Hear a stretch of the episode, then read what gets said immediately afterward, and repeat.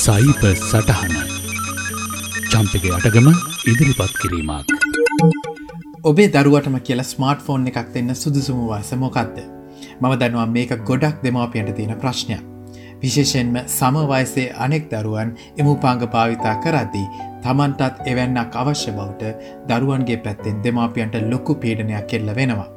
මෙතනති බොහොමයක් දෙමාපියන් පත්වෙන්නේ උබතෝකෝටික ගැටලුවකට.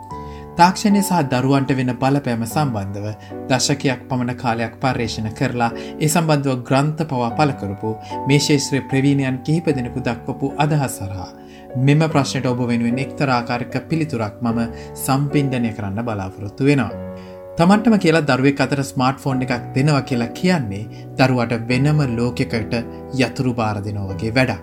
එනිසා ඒක නිසංගයෙන්ම ඒ දරුවන්ට අති විශාල වගකීමක් පැවරෙනවා. මෙ තිර හරහා ඔවුන්ට ඇති කරන අවධානය රඳවා ගැනීම අපහසුතා එකැන ඩිස්ට්‍රක්ෂන්ස් සමජජාලා ආශ්‍රිතව හෝ අසබි වෙබ් අඩවි එකැන පෝනොග්‍රෆි ආශ්‍රිත ඇබ්බැහැවීම සයිබ බුලීන් හරහයින මානසික සංකූලතා උපන්ගේ ආශ්‍රිත්‍ර විනෝස ස්වාදය සහ අධ්‍යාපන කටයුතු හා ක්‍රීඩා කටයුතු අදිය සමතුලිතව පවත්වා කිරීම සම්බන්ධයෙන් ප්‍රමාණවත් ලෙස ඔබේ දරුවා මුහකුරාගොස් ඇතයි ඔබ සිතනවාද. පිළිතුර නැතනම් තාම ඔහු හෝ ඇය මෙවැනි වැක්කිමක් බාරගන්න තරම් සුත්සු වන්නේ නැහැ.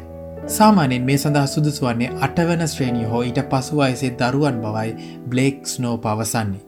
නමුත් තවත් මේ සම්බන්ධව ප්‍රවීණයක් වන ඩයිනා ග්‍රෙබ පවසන්නේ දරුවන් එකිනෙකා වෙනස් නිසා ඒක් තරන් නියමිත වයසකට වඩා ඉහත සඳහන් කළ වගකීම් ප්‍රශස්තව භාරගත හැකි වයසක් වෙනතුරු හැකි තරම් ප්‍රමාද කළ යුතු බවයි. දරුවට ෆෝන් එකක් නම අවශ්‍ය වන්නේ ඇමතුම් සහ පනිවිඩ පමණක් ලබාගත හැකි දුරකතන වෙළඳ පොලේ තියෙනවා. ලයිට් ෆෝනයට හොඳ උදාහරණයක්. මිචිගන් විශ්වවිද්‍යාලයේ මහාචාර්යවරයෙක් වෙන කෙන්ටොරෝ ටොයාමා දශක්කික පමණ කාලයක් ගත කළේ පරිගණක විද්‍යාඥයෙක් ලෙස. අධ්‍යාපනය සහ සෞඛ්‍ය වැනි ශේත්‍ර වෙනුවෙන් තාක්ෂණික භාවිතා කිරීම සම්බන්ධයෙන් පර්යේෂණ කිරීමට. ඔහු පවසන්නේ මෙතරම් දියුණු තාක්ෂණික අවදියක වුණා. සමාජ ප්‍රගමණය රදා පවතින්නේ මානුෂික ක්‍රියාකාරකම් මත මිස ගැජෙට් මත නොවන වගයි. තමන්ගේ පර්යේෂණවලට අනුව ස්මාර්ට් ෆෝන් හිමිවීම දරුවන්ගේ අධ්‍යාපනික ප්‍රගමණයට කිසිම සම්බන්ධයක් නැති බවයි මහාචාර ටයෝමා සඳහන් කරන්නේ. හොඳයි. දැන් අපි හිතමු ඔබ ඔබේ දරුවට අවසානයේ ස්මාර්තුරකතිනයක් ලබාදින තීරණය කළ වග.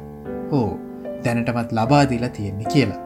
එහි අනතුරු කලාපෙන් ඉවත්වන්නට ඔබට කොහොමද දරුවට උදා කරන්න පුළුවන් වෙන්නේ. මුලිකෝම එය භාවිතය සම්බන්ධ එක්කතාවකට එන්න.